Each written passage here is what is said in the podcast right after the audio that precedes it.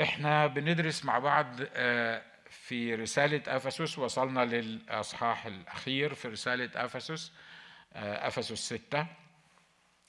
في عدد عشرة بيقول الرسول بولس الكلمات دي بالروح القدس أخيرا يا إخوتي تقووا في الرب وفي شدة قوته. البسوا سلاح الله الكامل لكي تقدروا أن تثبتوا ضد مكايد إبليس. واضح أنه دايما الكلمات الأخيرة في كل رسالة أو حتى في الكلام الناس بعضهم مع بعض آه، أو ده كان ظاهر مثلا في آه، نهاية حياة داوود آه، لما كان عارف إن هو خلاص يسير في طريق الأرض كلها وحي ونهايته قربت جاب سليمان ابنه وقال له اسمع يا سليمان ابني اعبد الرب بنفس راغبه وابتدى يديله الوصايا اللي, اللي هيعملها بعد ما هو ينتقل من الأرض. واضح إنه الكلمات الأخيرة بتبقى مهمة جدا والرب بيقصد في الكلمات الأخيرة في الرسائل آه، إن هو إنجاز التعبير يلخص اللي اتقال كله ويعطى للناس علشان تفهموا وعلشان لما نختم الرسالة نختم بيه. وأنا بشوف في الرسالة دي الحقيقة في أصح ستة وعدد عشرة العدد العددين اللي أنا قريتهم آه، عليكم إن ده ملخص الرسالة كلها. ده آه، مش عايز أقول أهم ما في الرسالة لأن الرسالة كلها مهمة وكلمة الرب كلها مهمة. لكن تخيل معايا الرسول بولس بعد ما كتب الرسالة دي والرسالة دي يعني إحنا درسناها في أسابيع كتيرة والرسالة دي كبيرة عشان واحد يكتبها ويكتبها وهو مسجون. وفي النهاية بيقول لهم الكلمات دي أخيرا يا إخوتي أخيرا دي أنا بشوف إنها بتلم كل ما علمه الرسول بولس في الرسالة دي بتاعة أفسس. بيقول لهم الكلمات دي أخيرا يا إخوتي يعني لو نسيت زي ما مرات كتيرة بقول في الوعظة أو إحنا يعني كخدام بنقول في الوعظ لو نسيت كل اللي بقوله لك أخيرا تسمع الحاجة اللي أنا بقولها لك الأخيرة دي لأنها تعتبر أهم حاجة في الوعظة اللي أنا وعظتها لك. أنا شايف إن الرسول قصد إن هو آه، يقول كده. أخيرا يا إخوتي خلي بالكم الرسول هنا يعني كان ممكن يستخدم كلمة تاني غير إخوتي. كان ممكن يقول مثلا أخيرا يا آه، مؤمنين يا اللي موجودين في أفسس. أخيرا يا آه، آه، يا ناس اللي هتسمعوا أو هتقروا الرسالة بتاعتي دي لكن كل كلمة بالروح القدس الرب حطها علشان يعلمنا منها حاجة. واحد بقدر علم الرسول بولس وبقدر الإعلانات اللي أعطيت ليه. وبقدر التعليم الرائع العظيم اللي موجود في الرسالة دي. لما بيتكلم للكنيسة هو عارف بالظبط وضعه إيه في الكنيسة. هو عارف هو مين. هو مش بيتكلم دلوقتي كمعلم رغم إن هو معلم لكن هو الرسول بولس عمره ما قال. إن هو معلم. عشان كده مرات كتيرة لما بنقول معلمنا بولس الرسول يعني إحنا عشان اتعلمنا من خلال آه، الوحي. لكن زي ما قلت في مرات كتيرة قبل كده إن معلمنا واحد. الشخص المستحق إن إحنا نقول له معلمنا هو واحد بس هو شخص الروح القدس الآب والابن والروح القدس. محدش تاني على الأرض يستاهل أو ينفع إن إحنا نقول عليه معلمنا. عشان كده الرسول بيحط نفسه في المكان الصح. بيقول أنا صحيح علمتكم كتير أنا صحيح كتبت كتير كما لو كان بيقول كده انه ما كتبش الكلام ده آه، نصا. آه، صحيح الرب عطاني فرط من الإعلانات لكن في النهاية أنا أخوكم. ولما يقول أنا أخوكم يعني بيحط نفسه في مستوانا بيحط نفسه زينا بالظبط بيحط نفسه كواحد محتاج لكل الكلام اللي إحنا قلناه قبل كده. مرات كتيرة إحنا كخدام بن بنتكلم للناس وللشعب كما لو كنا إن إحنا يعني طبقة شوية مختلفة عن الناس اللي قاعدة بتسمعنا. أو إن إحنا عندنا إمكانيات شوية يعني أو إحنا في التعليم إحنا اللي بنقول للناس يعملوا إيه which is يعني it's okay okay لأنه آه، ده يعني ال gift اللي ربنا عطاها أو الموهبة اللي ربنا عطاها للناس. لكن الكلمة اللي عايز أعلمها لنا الروح القدس إنك مهما كنت أنت معلم شكلك إيه مهما كان عندك من تعليم مهما كان عندك من قدرات مختلفة على إنك توصل الحقائق الروحية اللي يمكن الرب ما أعلنهاش غيرك أنت في الآخر خالص محتاج تعرف إنك لما بتكلم الناس دول إخواتك وأنت عضو في الجسد وأنت مش رأس الجسد وأنت مش المايند بتاع الجسد انت عضو في الجسد. علشان كده لما تكلم الناس من على المنبر اعرف انك بتكلم اخواتك اعرف انك انت بتكلم الناس اللي معاك اللي هم اعضاء في نفس الجسد وانك مش مميز عنهم بأي شكل من الأشكال. صحيح الكتاب بيقول للناس لاحظوا مرشديكم اتعلموا منهم آه، وقروهم احترموهم وتفر اللي كتبوا الكتاب. لكن ده بيقول للناس علشان الناس يبقى في رابطة وفي في تعامل مظبوط بيننا وبين بعض. لكن ما بيقولش للخدام ما بيقولش للمعلمين إنك أنت أهم من غيرك في في في في الجسد أو إنك أنت يعني لازم تحصل على آه، مكانة معينة أو الناس يقولوا لك معلمي أو الناس يقولوا لك سيدي أو الناس يقولوا لك أي لقب من الألقاب اللي إحنا مرات بنستخدمها. فالرسول هنا بيلخص الموضوع ده بيقول إيه؟ اسمعوا يا إخوة يا أخوات أنا هقول لكم الخلاصة بتاعه الرسالة كلها. أنتوا بالنسبة لي إخوة وأخوات إحنا كلنا في نفس المركب إحنا كلنا بنتعلم من شخص الروح القدس.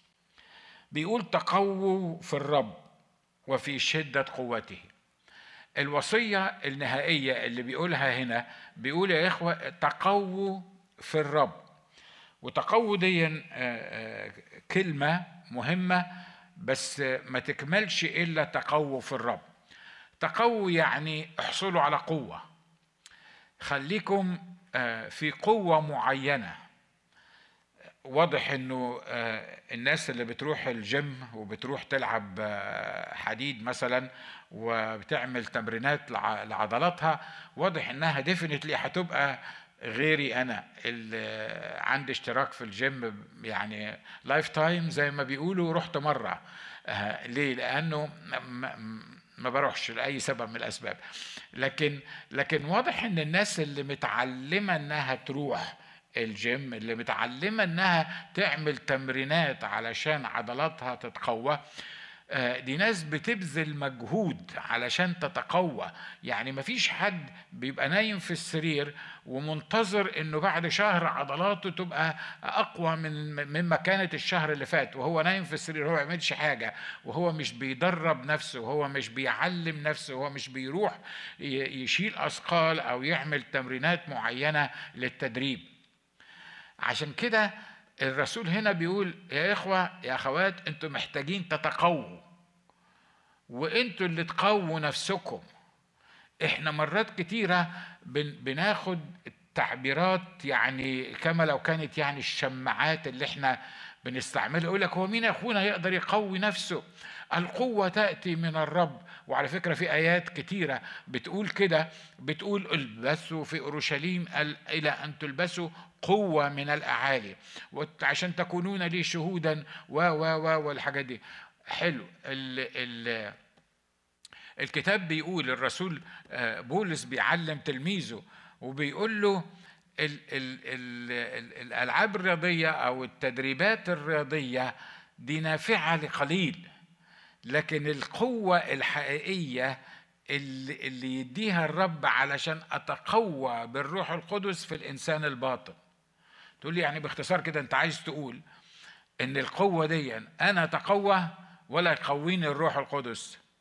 والحقيقة الاثنين الروح القدس يقويني لأن الروح القدس هو اللي بيدي القوة وفي الوقت نفسه أنا بعمل التمارين الروحية اللي بتخلي عضلاتي الروحية تتقوى وبسبب طول الزمان الحواس بتاعتي تدرب علشان أفهم أميز الخير والشر. فالقوة مانح القوة هو الروح القدس. لكن أخذ القوة دي وتحويلها لديناميكية في حياتي دي مسؤوليتي أنا. الروح القدس افيلبل على طول. الروح القدس متاح على طول. الروح القدس عايز يديني قوة عايز يملاني قوة.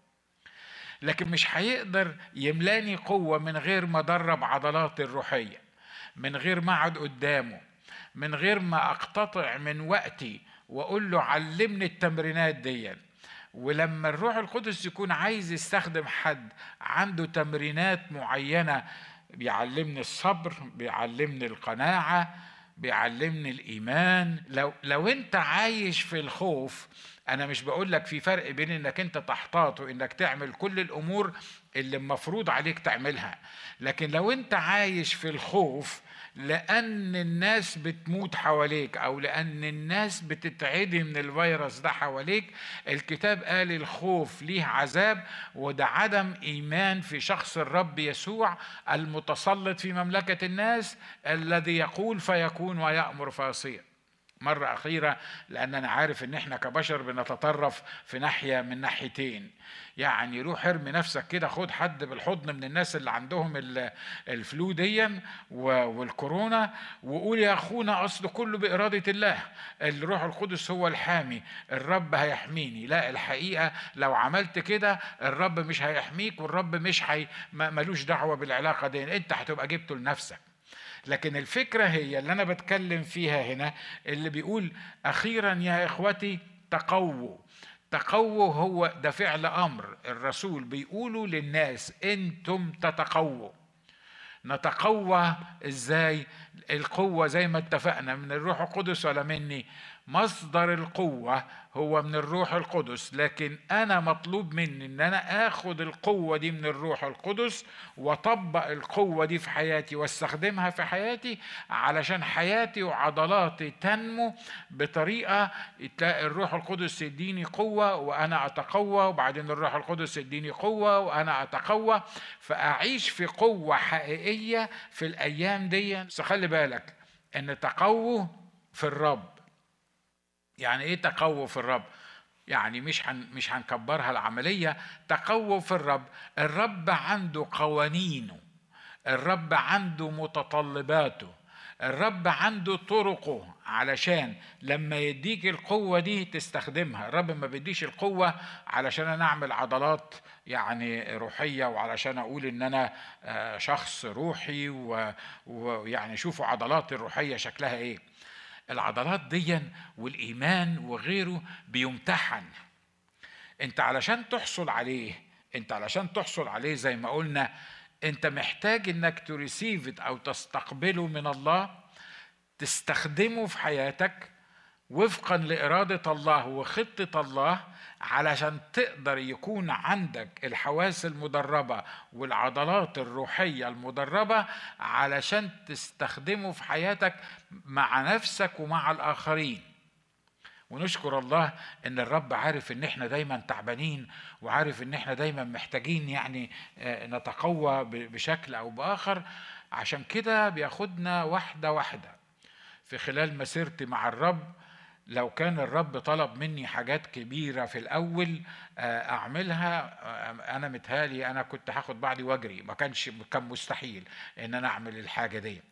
عشان كده ودي طريقة الرب باي ذا ليه؟ لأنه بيتعامل معانا. إحنا كنا أطفال في الإيمان. لما لما اتولدنا جديد في الإيمان الرب ابتدى يكبرنا وكل شوية آه، بيحملنا مسؤولية أكبر كل شوية بيحملنا مسؤولية أكبر وده شيء ده شيء طبيعي ودي حاجة طبيعية إنه يعمل كده. ليه؟ لأن إحنا مش هنقدر وإحنا صغيرين نشيل ال ال ال ال الأحمال الكبيرة دي عشان كده المؤمنين لما بيعرفوا الرب بيبتدي معاهم من الأول.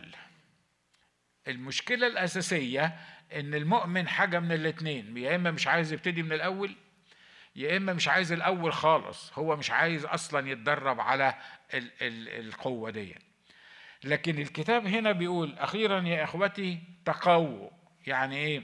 الرب هيدي لك تمرينات لتدريب عضلاتك الروحية مش تتناسب مع إمكانياتك لأن إمكانياتي وإمكانياتك الحقيقة ما تقدرش تعمل حاجة. لكن هيديني وهيديك تدريبات روحية تتناسب مع فكره هو من ناحيتي ومع الإمكانية اللي هيمنحها ليا اللي هي أقدر أستقبلها في حياتي.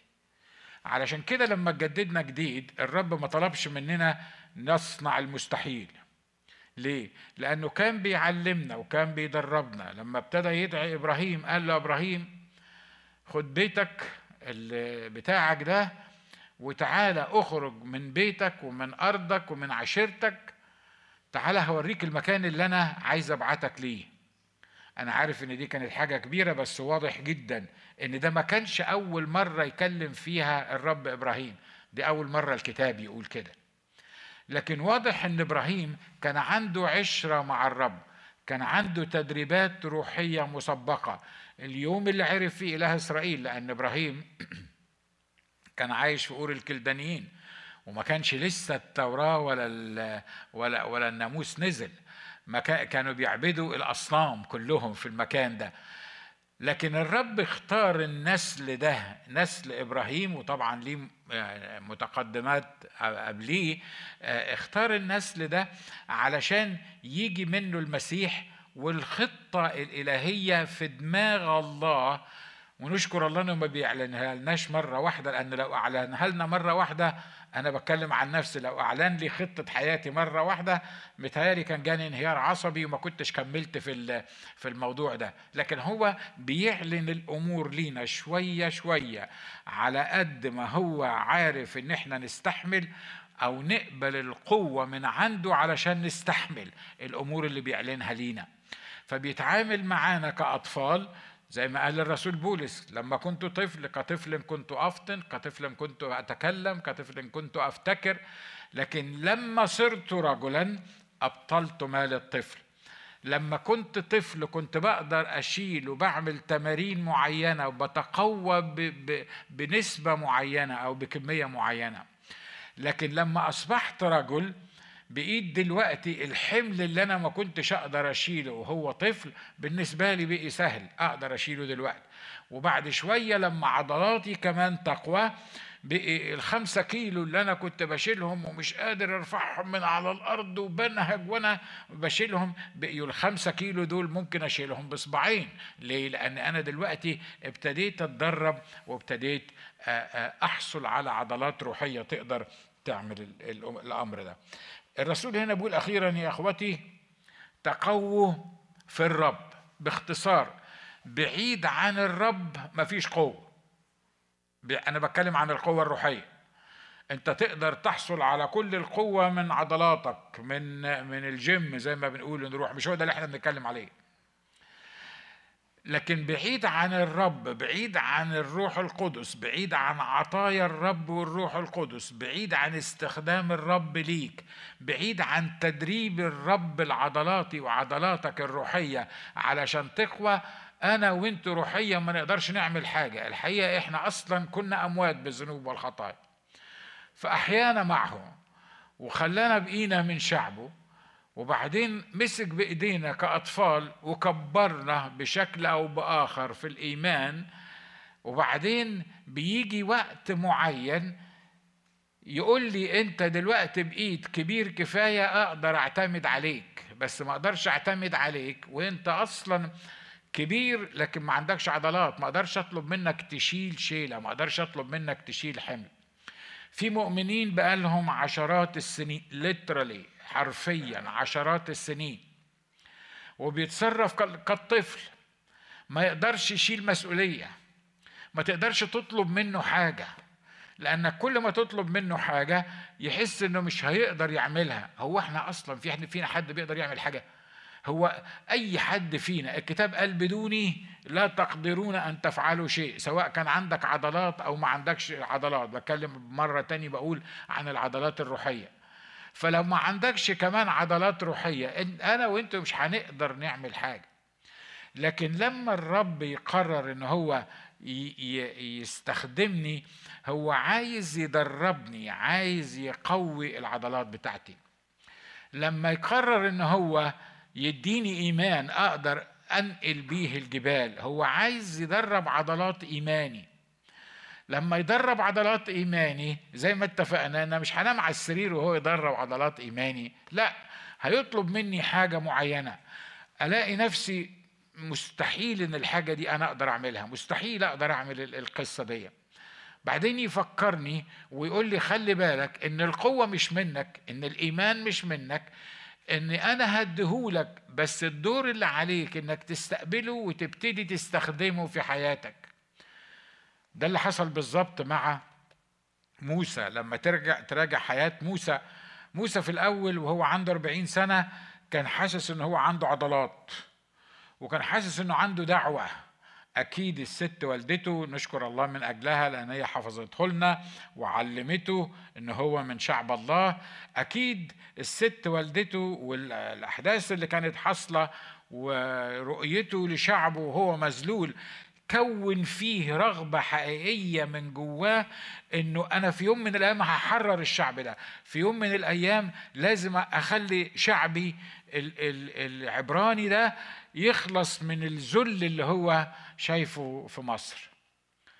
لكن الحقيقة إن هو ما كانش عنده العضلات الروحية اللي يقدر يخلص بيها الشعب. هو كان فاهم إن خلاص الشعب هم أقوى مننا المصريين أقوى مننا وعددهم أكتر مننا ومستعبديننا ويقدروا يذلونا ويقدروا يربطونا ويقدروا يضربونا ويقدروا يكلفونا إن إحنا نعمل كذا وكذا. إحنا عايزين ناس تكون قوية كفاية بحيث إنها تقدر تقف في وش المصريين أنا مش بتكلم عن موسى بس أنا بتكلم عني وعنك عن الأمور اللي إحنا بنفكرها. إحنا عايزين ناس عضلات إحنا عايزين ناس تقدر تقف إحنا عايزين جيش كبير يقف قدام جيش المصريين ويهزمهم ونحرر العبرانيين ونطلع من مصر. هو مش عيب إنه يفكر بالطريقة دي لكن المصيبة إن هو استخدم عضلاته في حل المشكلة الروحية مشكلة شعب إسرائيل في مصر دي مشكلة روحية ما كانتش مشكلة جسدية مجرد استعباد شعب الشعب لا ده كان صراع بين الخير والشر وليه تطبيقات كتيرة ممكن نتكلم عنها. المشكلة بتاعت شعب الله إنه عايز يعبد يهوى الإله الوحيد اللي موجود في العالم كله وفي الخليقة كلها وساكن وسط شعب وثني بيعبد فرعون وبيعبد السحر بتاعه وبيعبد الآلهة الشيطانية بتاعته. فالموضوع صراع بين الآلهة مش صراع للناس. ده صراع بين الآلهة بين إله العبرانيين وآلهة المصريين. عشان كده دايما الكتاب يقول وأصنع أحكام بآلهة المصريين. طب هم فين آلهة المصريين يا رب؟ ده, ده, ده المصريين هم اللي عملوا القصة ده المصريين هم السبب ده المصريين هم المفتريين اللي, اللي زلوا الشعب بتاعك. يقول لا أصل أنت كإنسان بتنظر وبتشوف المنظور. أنت بتحلل الأمور على مستوى تفكيرك الجسدي. لكن في في السماويات شغل تاني انت ممكن تكون مش عارفه. قس على ذلك كل اللي بيحصل في حياتي وكل اللي بيحصل في حياتك وكل الأوبئة وكل الأمور الحادثة. في حرب في السماويات وفي متسلط في مملكة الناس وفي واحد فاهم اللي بيحصل على الأرض والأمور ما بتطلعش من إيده. للأسف العالم ما يقدرش يفكر بالطريقة دي لكن المصيبة إن لما الكنيسة كمان ما تقدرش تفكر بالطريقة دي وتعيش الكنيسة كما لو كانت إنها لأنها جزء من العالم كما لو كانت خاضعه للقوانين العالمية كما لو كانت خاضعه للأمور اللي بتحصل على الأرض كما لو كان ما فيش إله متسلط في مملكة الناس. علشان كده الكتاب هنا بيقول أخيرا يا إخوتي تقووا في الرب. لما تكون في الرب تقدر تختبر القوة الحقيقية. بره الرب مفيش قوة حقيقية في قوة عضلات. موسى لأنه واضح إن كان عنده عضلات ولقى مصري بيتخانق مع عبراني. عمل إيه؟ فراح ضارب المصري موته. يعني آه، آه، يعني good heart act زي ما بيقولوا يعني آه يعني هو بيدافع عن شعبه. هو إيه الغلط اللي هو عمله؟ الغلط اللي هو عمله إنه ما شافش بعد الأمور الزمنية الجسدية. هو شايف واحد مصري بيتخانق مع واحد يهودي أو إسرائيلي. هو مش شايف إن الموضوع زي ما قلنا ما هوش خناقة بين آلهة المصريين والإله الحقيقي وحده هو مش شايف القصة دي لو هو شايف إن الموضوع عبارة عن صراع أو حرب في السماويات بين العدو إبليس الحية القديمة وبين الإله القادر على كل شيء كان هو سأل صاحب الحرب والمتسلط في مملكة الناس ممكن نعمل إيه مع المصري؟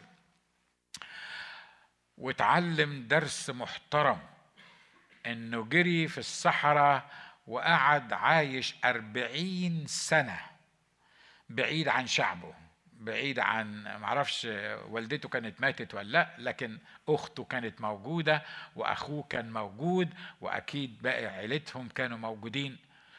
وساب شعبه اللي كان عايز يدافع عنهم سابهم بيتعذبوا في مصر. لا هو دافع عنهم وأنقذهم وخلصهم من العبودية زي ما هو كان عايز ولا المصريين رحموا شعبه. يعني طلع باختصار بخسارة مش بمكسب. خسر كل شيء بما فيها نفسه. ليه؟ لأنه قعد أربعين سنة في في الصحراء. كتير من الخدام بيقولوا الرب أعد موسى في الصحراء.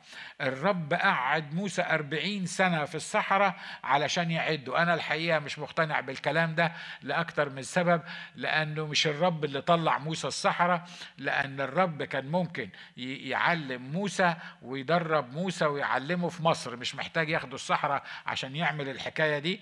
وبعدين الرب مش محتاج أربعين سنة علشان يقعد يعلم اتكلم فيها موسى في الصحراء عشان يرجعه تاني لمصر.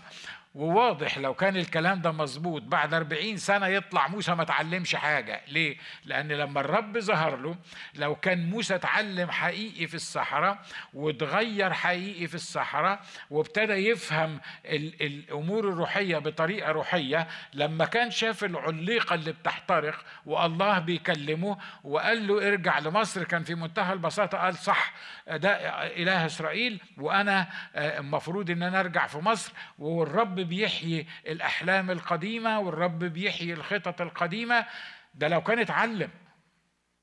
لكن الحقيقة هو كان بيعمل العكس. ليه؟ لأنه في منتهى البساطة الرب بيقول له رجعك مصر يقول له أنا ما بعرفش أتكلم.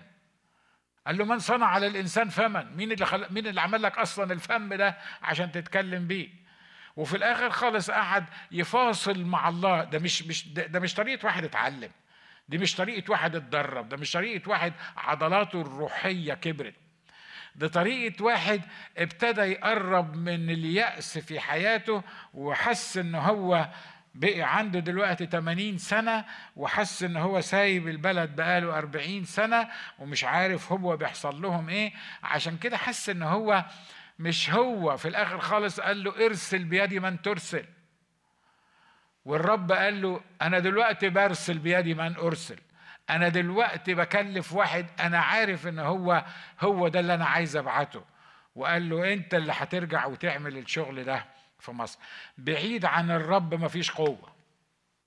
ممكن تتقوى بالجماعة ممكن تتقوى باسم الكنيسة بتاعتك ممكن تتقوى بعدد الناس اللي بيسمعوك بأتباعك على الفيسبوك ممكن أقول لك 15 ألف حاجة وتبقى بتستمد قوتك من رضاء الناس عليك بتستمد قوتك من مدى تأثيرك حتى الروحي على الناس بتستمد قوتك من مدى علمك ووعظك أو شهيدك أو فلوسك أو عيلتك أو بلدك أو أي حاجة تاني كل الكلام ده ما يسويش القوة الحقيقية لا تأتي إلا في الرب.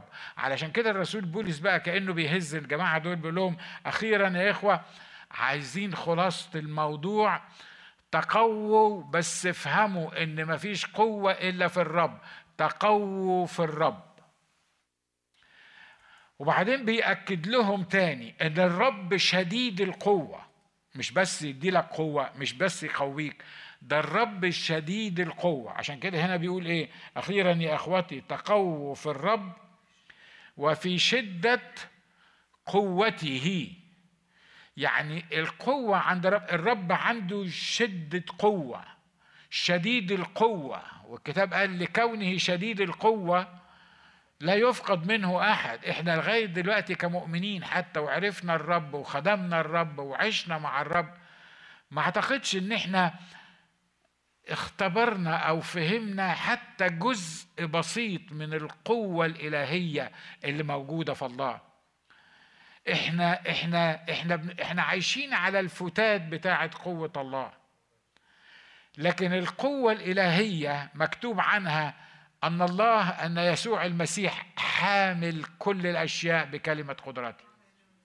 القوة بتاعته بتخليه حامل كل الأشياء. إحنا بنتخيل كل الأشياء دول يعني كنيستنا آه، شوية ال ال ال الناس بتوعنا بلدنا القصة دي. الكتاب بيقول كل الأشياء. كل الأشياء دي إحنا ما نقدرش نتخيل يعني إيه كل الأشياء. كل الأشياء دي أكبر من ذهننا أكبر من تخيلاتنا أكبر من إمكانياتنا. ده لغاية النهاردة هم مش عارفين المجرات السماوية فيها كام نجم وفيها كام كوكب وفيها كام جالاكسي وكام وكام وكام وكام. دي حاجة واحدة بس من اللي موجودة في الأرض. دي حاجة واحدة بس من اللي موجودة في, في الكون. دي حاجة واحدة بس من من من كل الأشياء من كلمة كل الأشياء اللي هو قالها. فبيقول حامل كل الأشياء بإيه؟ بكلمة قدرته. عشان كده بقول لهم يا إخوة خلي بالكم تقووا في الرب وفي شدة قوته. اطلبوا شدة قوة الرب. ده مش بيتكلم عن الناس يعني أهو يا رب أنت استرها معانا لغاية آخر الشهر ولا ولا اعمل لنا الحاجة الفلانية دي ولا إحنا خايفين من الفيروس ده اعمل معروف ما خلوهوش يجي آه، ناحيتنا ولا إنقذنا من حاجة معينة ولا سدد لنا دين معين. إحنا مش فاهمين يعني إيه شدة قوته إحنا مش فاهمين يعني إيه القوة الإلهية. وكان كل اللي طلبوا الرب من التلاميذ تخيلوا معايا ده بس لمحة بسيطة أرضية آه، آه، ليها انعكاس روحي. التلاميذ دول كانوا 12 وكانوا خايفين. وفي الوقت اللي بقول لكم عليه ده كانوا 11 لأن واحد فيهم شنق نفسه فكانوا 11 وقول كان معاهم شوية إخوة هم المؤمنين حواليهم جم للرب. والرب عطاهم أمر قال لهم اذهبوا للعالم أجمع واكرزوا بالإنجيل للخليقة كلها. فكر كده فيها. بتكلم 12 تلميذ شوية تلاميذ هنقول حتى بيكلم السبعين بلاش ال 12 بيقول لهم اذهبوا للعالم أجمع واكرزوا بالإنجيل للخليقة كلها. معلش يا رب انت واخد بالك؟ انت بتطلب إيه؟ انت بتطلب من ال 12 دول اللي نصهم صيادين عمرهم ما سابوا الجليل إلا معاك وراحوا السامره ورجعوا وناس حواليك بس كده. هم ما, ما, ما, ما وصلوش أبعد من الحتة اللي عايشين فيها. انت بتطلب منهم يذهبوا للعالم أجمع. هم الناس اللي انت بتطلب منهم الطلب دول فاهمين قد إيه العالم أجمع ده؟ اللي انت بتتكلم عنه طب انت الله اللي, كل حاجة مكشوفة قدامك انت فاهمها وانت عارفها فانت عارف يعني إيه العالم أجمع. لكن الناس الغلابة دول اللي هم مش وراك بتالهم ثلاث سنين ونص واللي جايين من البحر ما يعرفوش حاجة غير غير البحر والصيد. يفهموا إيه عن العالم أجمع؟ قال لك مش مهم يفهموا. لما يطوعوا ولما يقرروا ان ينفذوا أنا هفهمهم يعني إيه العالم أجمع. طب يا رب الإرسالية للعالم أجمع دلوقتي دي. مش محتاجة قوة معينة مش محتاجة عدد من الرسل كتير مش محتاجة آه، تمويل آه، الكنايس خايفة الأيام دي لأنه طبعا الناس ما بتروحش الكنايس. فبما أن الناس ما بتروحش الكنايس فالناس مش هتدفع عطا مع إن في اختراع لدفع العطا دلوقتي على ال websites وعلى ال ال الإنترنت. ف... ف... بس الناس خايفة ومرعوبة. واحد من القسس بيكلمني بيقول لي إحنا عندنا مسؤولية بمئة ألف دولار في الشهر. فأنا مش عارف إزاي ممكن تتسدد الحكاية دي الحقيقة لو عرفت قوته وشدة قوته وتقويت في الرب وفي شدة قوته هبقى عارف إن مهما كانت مسؤوليات الكنيسة في إله يعرف أن يسدد احتياجاتي على المستوى الفردي وعلى المستوى العائلي وعلى المستوى الكنسي وعلى المستوى العالمي. الناس بتقول إن الاقتصاد بتاع العالم وهو نشكر الله ابتدى الاقتصاد بتاع العالم ولما بقول أشكر الله دي حاجة مش فرح فرحان يعني ولا بسطاني لكن بنشكر الرب على أي حاجة الاقتصاد بتاع العالم واضح إن هو هيلبس في الحيط انهيار اقتصادي كامل ليه؟ لأن البلاد بت بتخسر لازم يعوضوا القصة دي فهيعملوا إيه؟ هيعملوا زي العراق لما سقطت بغداد بقي الدولار ب 1400 دينار. أنا رحت وشفت الكلام ده بنفسي لما كنت هناك. 1400 دينار وكنت متخيل إن الفلوس ال 1400 دينار دول دول يعني فلوس. دي, دي حاجة ليها قيمتها.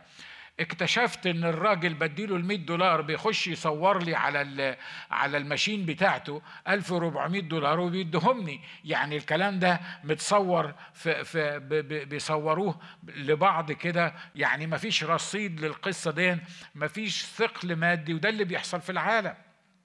ولما يحصل الكلام ده في العالم إحنا بنتعامل بأرقام ما بنتعاملش بكاش ما بنتعاملش بفلوس.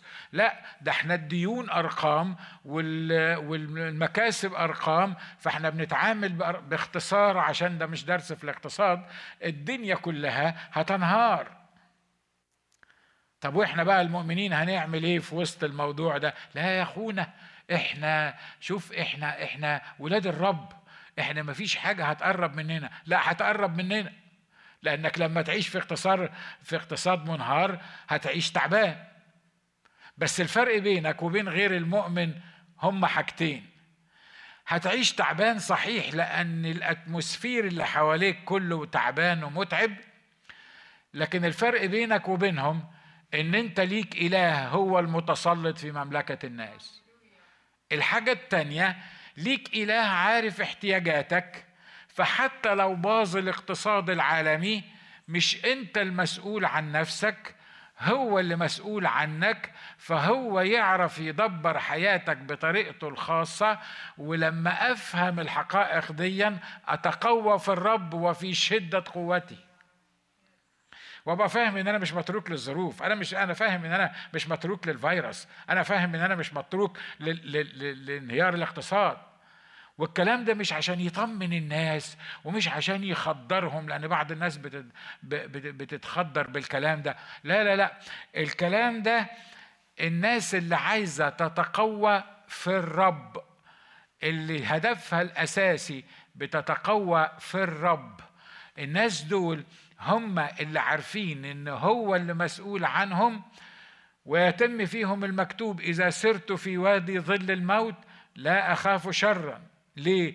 مش لأن أنا أجدع من الشر مش لأن أنا أقدر أغلب الشر مش لأن أنا أقدر أقف في وش الشر. لا إذا سرت في وادي ظل الموت لا أخاف شرا لأنك أنت معي. ولما تكون أنت معي إن كان الله معنا فمن علينا.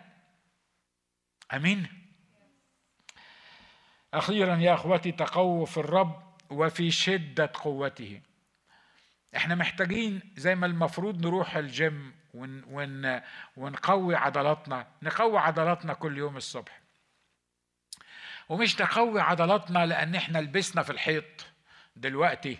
لأنك لازم إحنا كلنا لابسين في الحيط زي ما بقول ما أعرفش لابسين في الحيط ده تعبير مفهوم على الإنترنت ولا بس كلنا جايبين آخرنا. ليه؟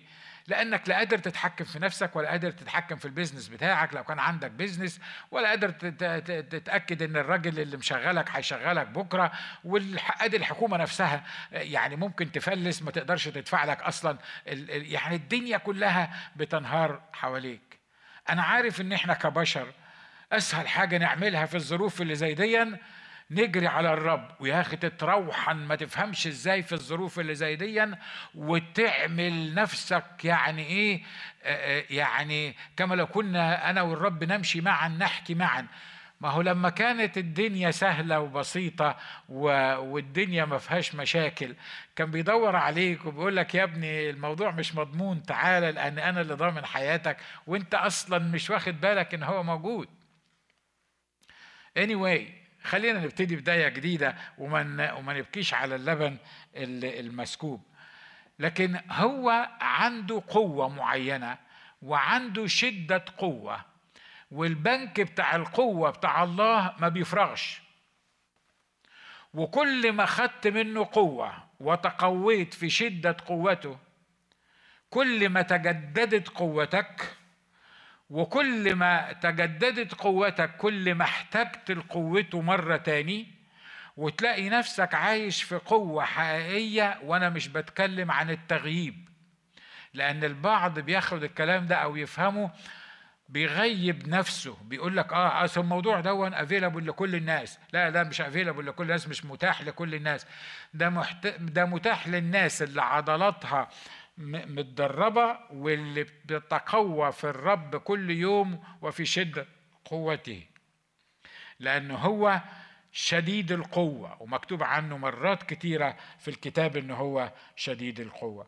خليني آخد كلمتين أو ثلاثة تاني من العدد 11 آه، بيقول يا إخوة سوى نفسه بينا ونشكر الله إن كلنا إخوة وطلب مننا أن نتقوى ونتقوى في الرب وقال لنا إن في شدة قوة عند الرب يقدر يعمل بيها أي حاجة يقدر يستخدمني ويستخدمك بيها.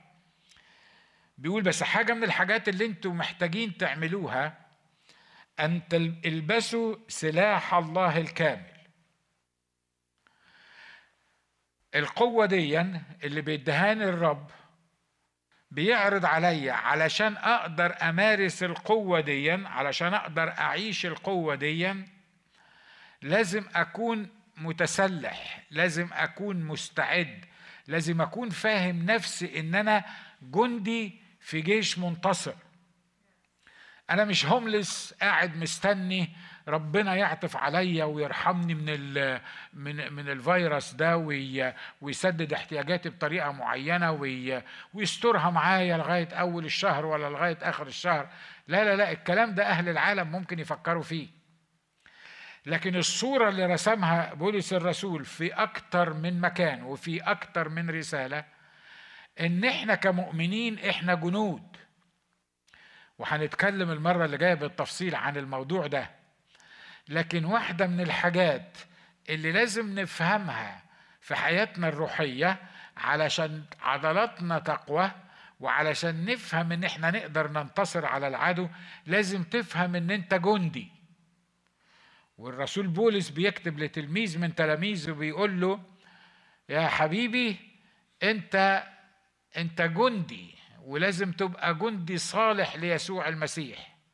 ولما تبقى جندي صالح ليسوع المسيح انت ما تنفعش انك ترتبك بأمور الحياة. انت ما ينفعش ينبغي ان ان الجندي ده يهتم بإرضاء من جنده ما يهتمش بأمور الحياة ويرتبك بأمور الحياة. تقول أخ ناجح انت عارف البلاوي اللي إحنا عايشين فيها الأيام دي. الجندية دي عايزة ناس فايقة. الجندية دي عايزة ناس يعني ما يكونش عندها مشاكل ويكونوا بيحبوا الرب وعايزين بقى يمشوا ويعملوا يفتحوا البلاد كلها للرب ويعملوا عمل روحي كده في مؤتمرات ولا ولا يعني يعني متهيألي الكتاب بيتكلم على كده لا الكتاب ما بيتكلمش على كده. لما بيقول البسوا سلاح الله الكامل بيتكلم على ناس عاديين زي وزيك بيفهمهم إن أنتوا جنود. ناس مؤمنين عاديين مش لازم يكونوا هيشقوا البحر الأحمر عشان يعدوا غيرهم في البحر الأحمر. بمجرد معرفتي يسوع مخلص شخصي لحياتي بقى عندي أعداء قوات شر روحية موجودة في السماويات. هي كانت بتحاربني بشكل أو بآخر بس بتحاربني بطريقة مختلفة. كانت بتحاربني بالشهوات والملذات وال والشرب وال... وغيره وغيره وغيره لأن ما فيش خطورة مني يعني. هي حاجات بسيطة كده. المهم يلهيني عن إني أعرف الله وأعرف يسوع مخلص شخص لحياتي بس دلوقتي أنا بقيت ابن لله ولما بقيت ابن لله بقيت مختلف. وبقي عندي مصدر القوة اللي إحنا بنتكلم عنها وبقت القوة اللي أنا أقدر أغلب بيها الموضوع ما بقاش زي زمان. أنا كنت نايم في الخط وكنت معاه وبعمل اللي هو عايزه وعبد للذي أطيعه وهو سيدي واللي, واللي يقوله أنا بعمله من لا ده دلوقتي بقي فيا الروح القدس روح القوة القوة التي أقامت يسوع من الأموات. وبقي دلوقتي الموضوع بدل ما كنت أنا في المعسكر بتاعه أنا بقيت في المعسكر المضاد ليه. وهو عارف جدا كمية وقدرة الله وعارف قوة الله الممنوحة ليا وعارف إنه ما يقدرش يقف قدامها لو أنا ابتديت أمارس القوة اللي ليا في المسيح واستمتع بالقوة اللي ليا في المسيح. عشان كده ابتدى يترعب مني لأنه عارف إن أنا في المسيح. لأن أنا عارف ان أنا بتقوى في الرب. عارف ان دلوقتي بإيليا رئيس جيش منتصر هزمه للأبد وخلاص هو أنا دلوقتي انضميت لمعسكر المنتصرين. أنا مش إني مور في معسكر الخايبين الضيعين المهزومين المستسلمين. أنا دلوقتي بقيت في معسكر الشخص اللي أشهرهم جهارا ظافرا بهم في الصليب. فأنا بقيت في معسكر مختلف. ولأني بقيت في معسكر مختلف فهو عارف كمية القوة الممنوحة ليا. فعشان كده بمجرد معرفتي يسوع مخلص شخص لحياتي ابتدت الحرب الحقيقية. تقول لي ده إحنا كنا فاكرين تسليم حياتنا للمسيح ده زي ما بعض الخدام بيقولوا لنا الدنيا هتبقى وردي وهتقبل الرب وهتعيش في سعادة وفي سلام وفي فرح وثمر الروح هيملاك ويعني إيه هتعيش على أجنحة الريح. ويل ده كل ده افيلابل صحيح وكل ده متاح ليا وليك. لكن عشان الصورة تبقى كاملة اللي بيقولوها لنا الخدام وحتى الخدام الأمنا مرات بيقعوا في الغلطة دي عشان الصورة تبقى كاملة لازم وأنا بقدم لك المسيح أقول لك لما تعرف المسيح مخلص شخص لحياتك هتنتقل لمعسكر المنتصرين ومعسكر المنتصرين دايما المهزومين بيحاولوا إن هم يأثروا عليهم فهتبقى في حرب روحية مستمرة على طول. الحل الوحيد إنك أنت تتقوى بقوة الرب وبشدة قوته وإنك تلبس سلاح الله الكامل. أبيد ونشكر الله إنه اسمه سلاح الله مش سلاحي أنا. ليه؟ لأن سلاحي أنا كإنسان واضح إنها لازم تبقى أسلحة على قدي أسلحة جسدية أسلحة آه، اللي أنا بعرف أستعملها. فاكرين زمان واختم لك بالقصة دي فاكرين زمان داوود لما شاف جلياد بيعير صفوف شعب الله الحي. الروح اللي جواه حس إنه لا في حاجة غلط. هذا الفلسطيني الأغلف يعير صفوف شعب الله الحي. لا لازم لازم حد يطلع باسم رب الجنود ويقتله. وابتدى يقول الكلام ده للناس اللي حواليه.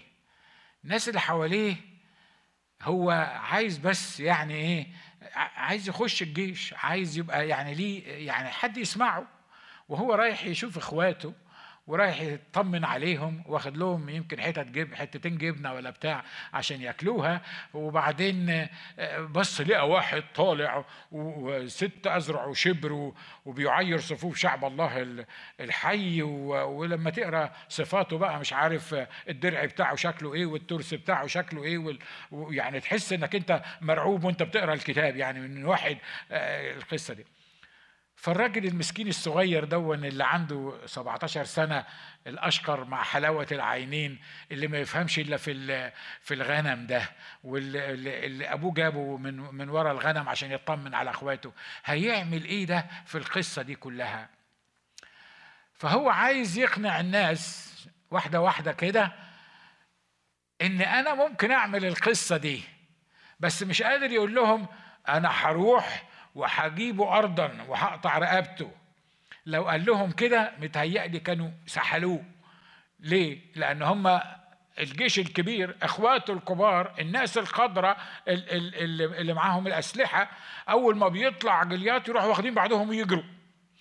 فديك أنت مفعوص صغير أنت آه، بتقول إنك أنت هتقدر عليه.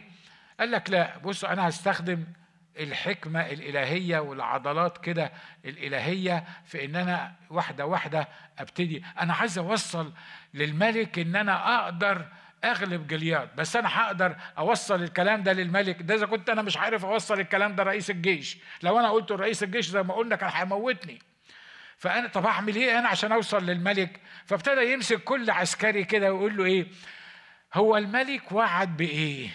للي يقدر يقتل الجبار ده. فالراجل طبعا أكيد بيرد عليه مش على أساس إن هو اللي هيقتل. ده هو ده واحد بس واد صغير كده جاي للجيش فعايزين يعني يسلكوه يعني. آه ده هيخلي مش عارف بيت أبوه مش عارف مين وهيجوزه بنته مش عارف مين. يروح سايبه الكتاب بيقول كده مش أنا اللي بقول كده أنا مش عامل القصة دي. الكتاب بيقول كده. يروح سايبه ويروح لواحد تاني.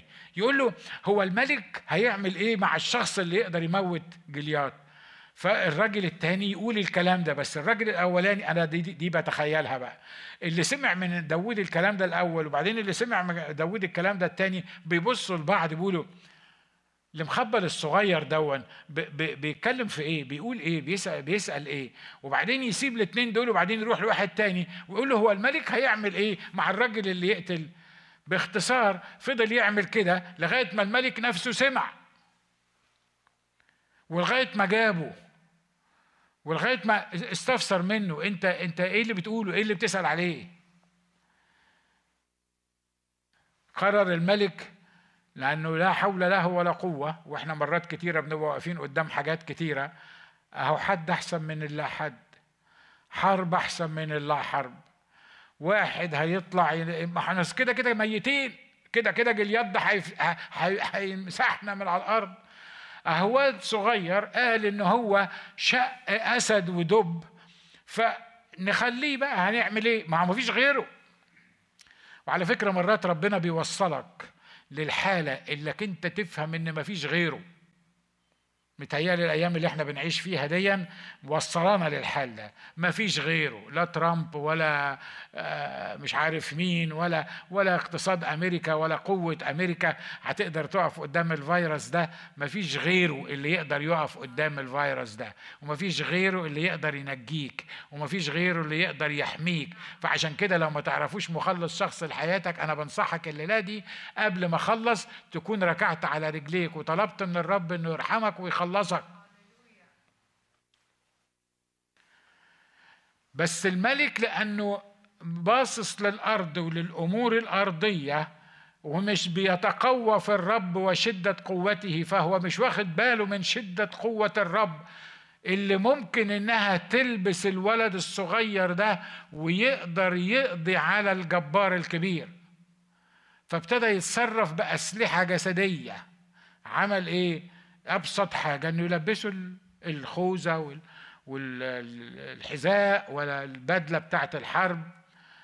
وأنا ما أعرفش كانت تقيلة قد إيه.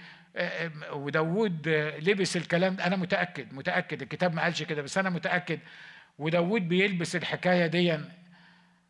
لو كان الملك يعني يقدر يكلمه كان قال له يا جلالة الملك أنا أنا مش معتمد على كده. أنا مش معتمد على الخوذة اللي تحمي دماغي. أنا معتمد على الله اللي أنا قتلت بيه الأسد. طب عايز إيه؟ هتغلب الجبار ده إزاي؟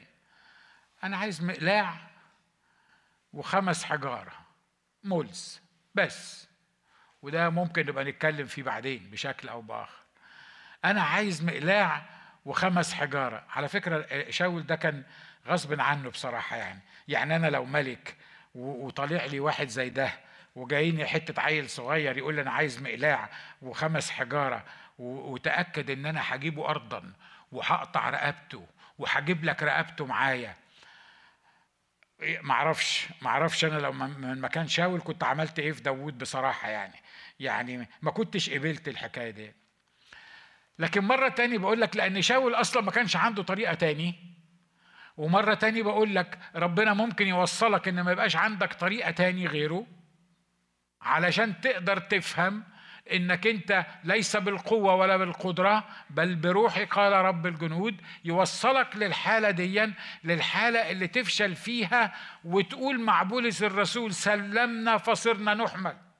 ما بقيناش إحنا قادرين نتحكم في أنفسنا مش إحنا اللي متحكمين في السفينة مش إحنا اللي مودينها. فين بالظبط الأمواج والرياح هي اللي متحكمة فيها؟ فإحنا سلمنا فصرنا نحمل. وانتصر داود ولا ما انتصرش؟ ده حتى العدو لما شافه جاي له بالمقلاع ده والبتاع ده قال له يا ابني انت انت جاي انت انت جاي تحارب كلب. انت انت إيه؟ تعال تعال تعال. انت اللي, اللي الشعب آه، يعني انتخبك عشان تيجي تحاربني.